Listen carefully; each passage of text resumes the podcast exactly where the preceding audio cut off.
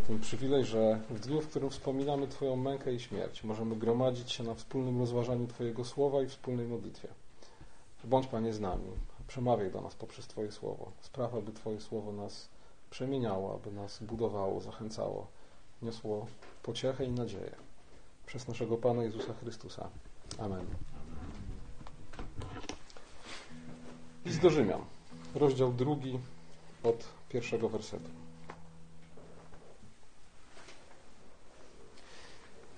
Nie ma przeto usprawiedliwienia dla ciebie, kimkolwiek jesteś, człowiecze, który sądzisz. Albowiem sądząc drugiego, siebie samego potępiasz, ponieważ ty, sędzia, czynisz to samo. Bo wiemy, że sąd Boży słusznie spada na tych, którzy takie rzeczy czynią. Czym nie masz człowiecze, który osądzasz tych, co takie rzeczy czynią, a sam je czynisz, że ujdziesz sądu Bożego?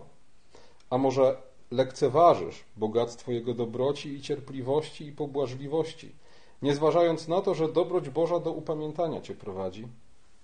Ty jednak przez zatwardziałość swoją i nieskruszone serce gromadzisz sobie gniew na dzień gniewu i objawienia sprawiedliwego sądu Boga, który odda każdemu według uczynków Jego.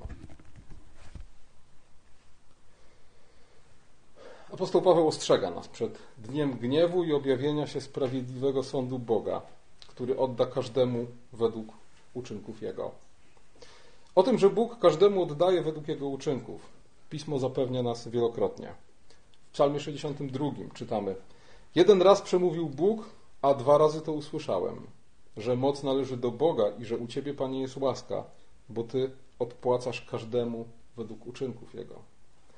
Podobnie w przypowieściach Salomona w 24 rozdziale, 12 wersecie.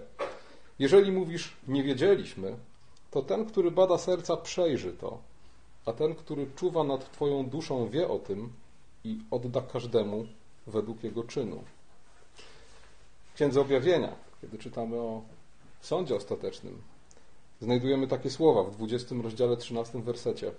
I wydało morze umarłych, którzy w nim się znajdowali. Również śmierć i piekło wydały umarłych, którzy się w nich znajdowali i byli sądzeni, każdy według uczynków swoich. Skoro Bóg każdemu oddaje według jego uczynków, to wniosek z tego jest taki, że każdy otrzymuje to, na co zasłużył. Czasem jednak te słowa brzmią w naszych uszach dziwnie. Widzimy ludzi prześladowanych, mordowanych, wypędzanych ze swoich domów ze względu na Chrystusa, wyzyskiwanych, oszukanych, krzywdzonych, i wtedy sobie zadajemy pytanie, czy naprawdę każdy otrzymuje odpłatę za swoje uczynki? W drugą stronę, w Psalmie 73 czytamy: Zazdrościłem zuchwałym, widząc pomyślność bezbożnych, albowiem nie mają żadnych utrapień, zdrowe i krzepkie jest ich ciało, znoju śmiertelników nie doznają, nie spadają na nich ciosy jak na innych ludzi. Czasem słowa, że Bóg oddaje każdemu według jego uczynków, brzmią naprawdę dziwnie. Chyba najwyraźniej widzimy to w Wielki Piątek. Kiedy patrzymy na ukrzyżowanego Chrystusa, który według świadectwa Słowa Bożego nigdy nikomu nie uczynił zła. Przeszedł przez swoje życie dobrze czyniąc, uzdrawiając. Nie znaleziono kłamstwa w jego ustach, a jaką otrzymał odpłatę? Czytamy o tym w Ewangelii, śpiewaliśmy o tym w Psalmie 22 za dobro, które wyświadczył człowiekowi.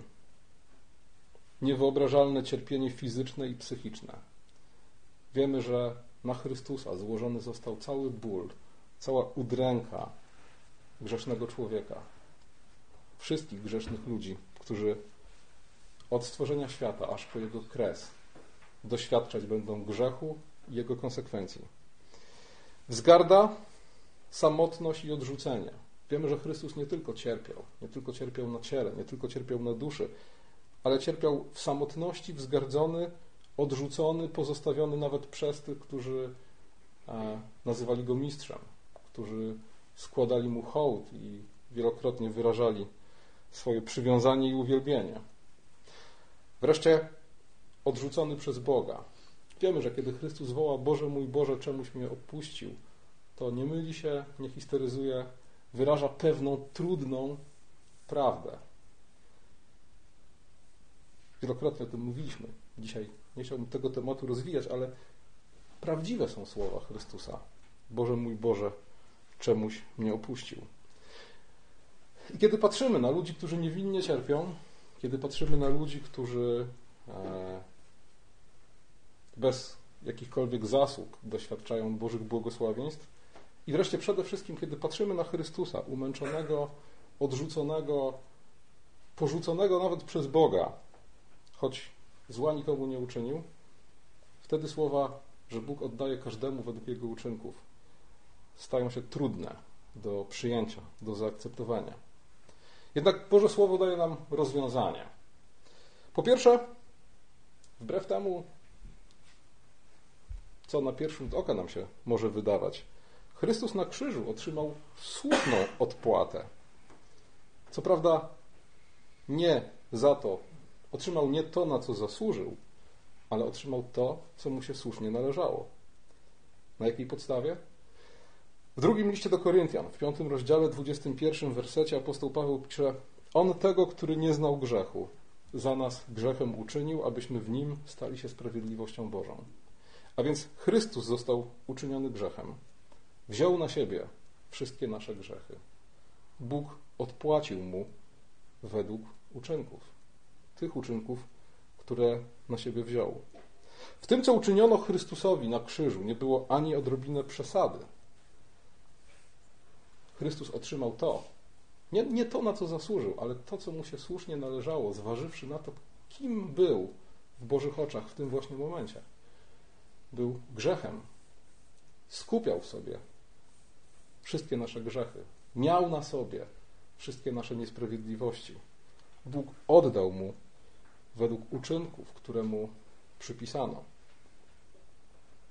Ale to nie jest koniec historii. Wiemy, że Chrystus, otrzymawszy mękę i śmierć, otrzymawszy słuszną odpłatę za uczynki, które wziął na siebie, w dalszej kolejności otrzymał w nagrodę to, na co zasłużył.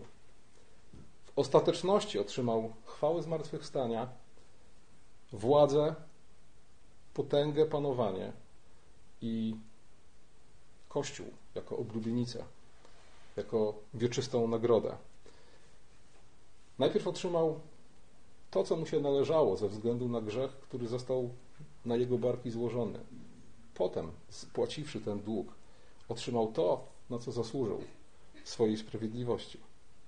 Idąc dalej, my, dzięki Bożej łasce, otrzymujemy, podobnie jak Chrystus, to, co nam się należy, choć nie to, na co zasłużyliśmy. Znowu, On tego, który nie znał grzechów, za nas grzechem uczynił, abyśmy my w Nim mogli stać się sprawiedliwością Bożą. A ponieważ jesteśmy w Nim, w Bożych oczach, Bożą sprawiedliwością, Bóg w dniu sądu odda nam według uczynków. Według uczynków sprawiedliwości Chrystusa. Według tej sprawiedliwości, która będąc nam całkowicie obca, zewnętrzna, została nam przypisana. Tej sprawiedliwości, w którą zostaliśmy odziani.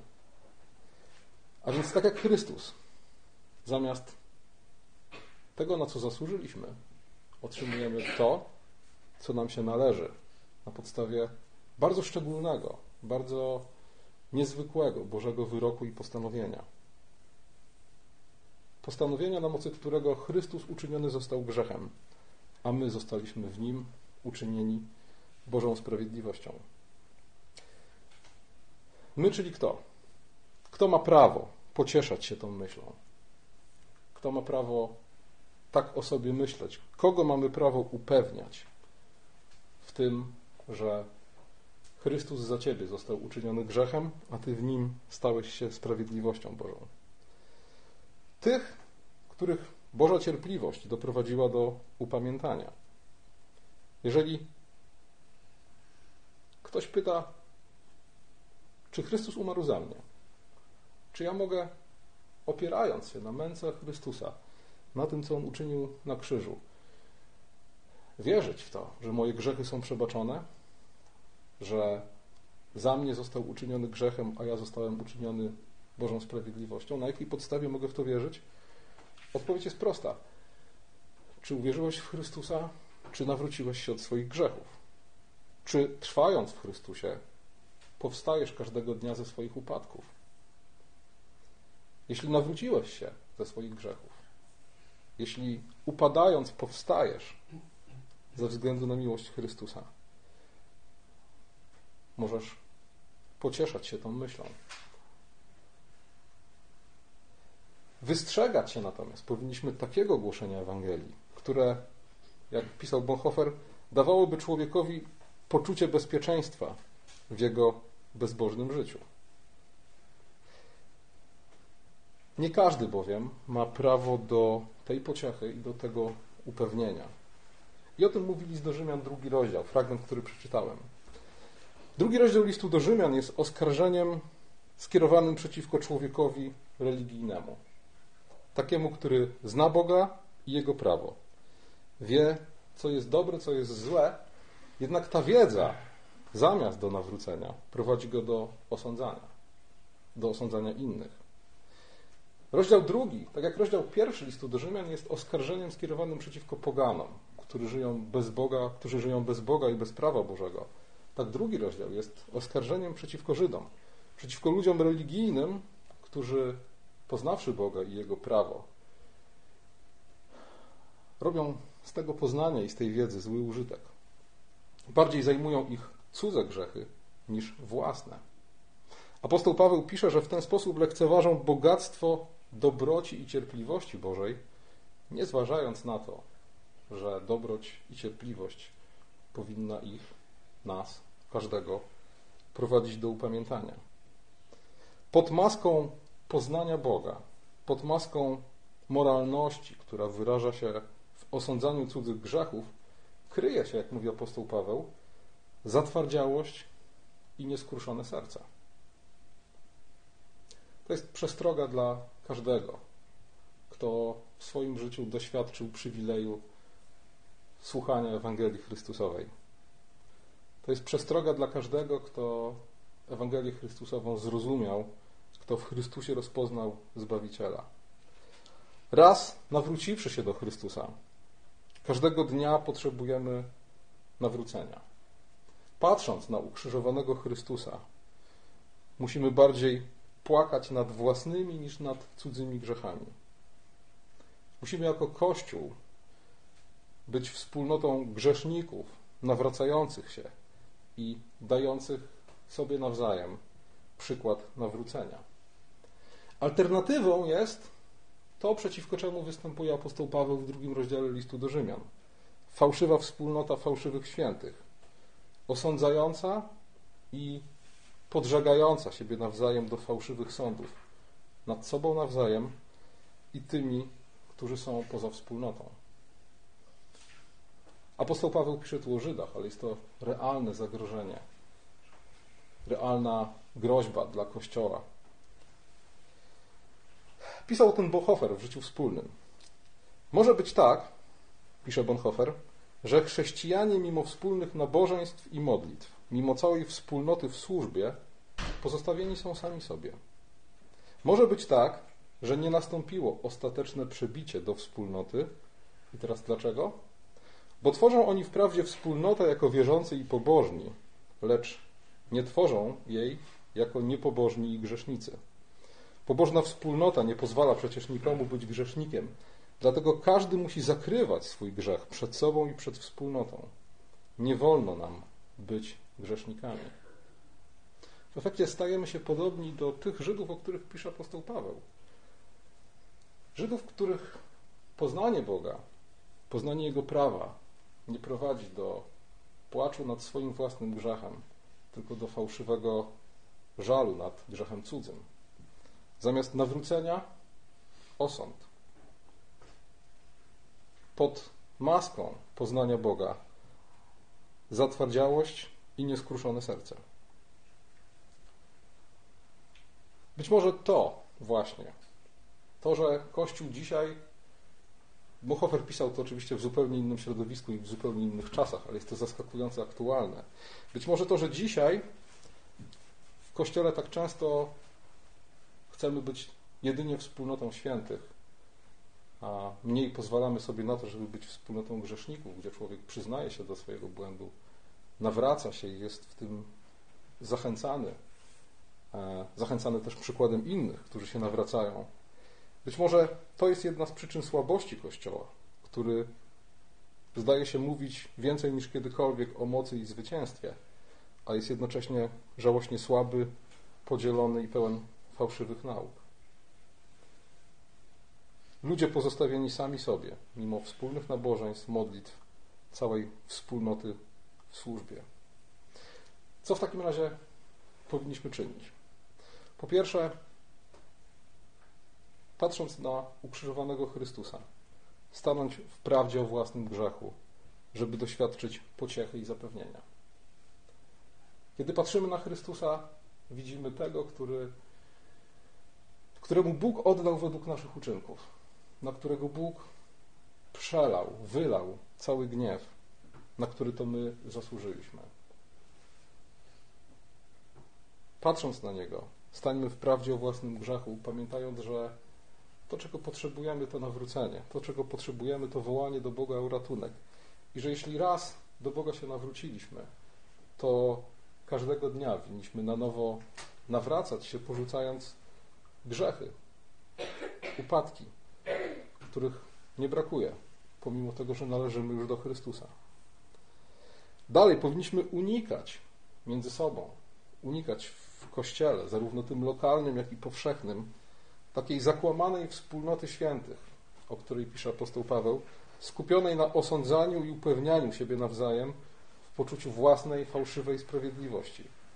Pielęgnować natomiast powinniśmy wspólnotę grzechu, rozumianą jako wspólnotę kościelną, opartą na świadomości grzechu, odkupienia, potrzeby nawrócenia.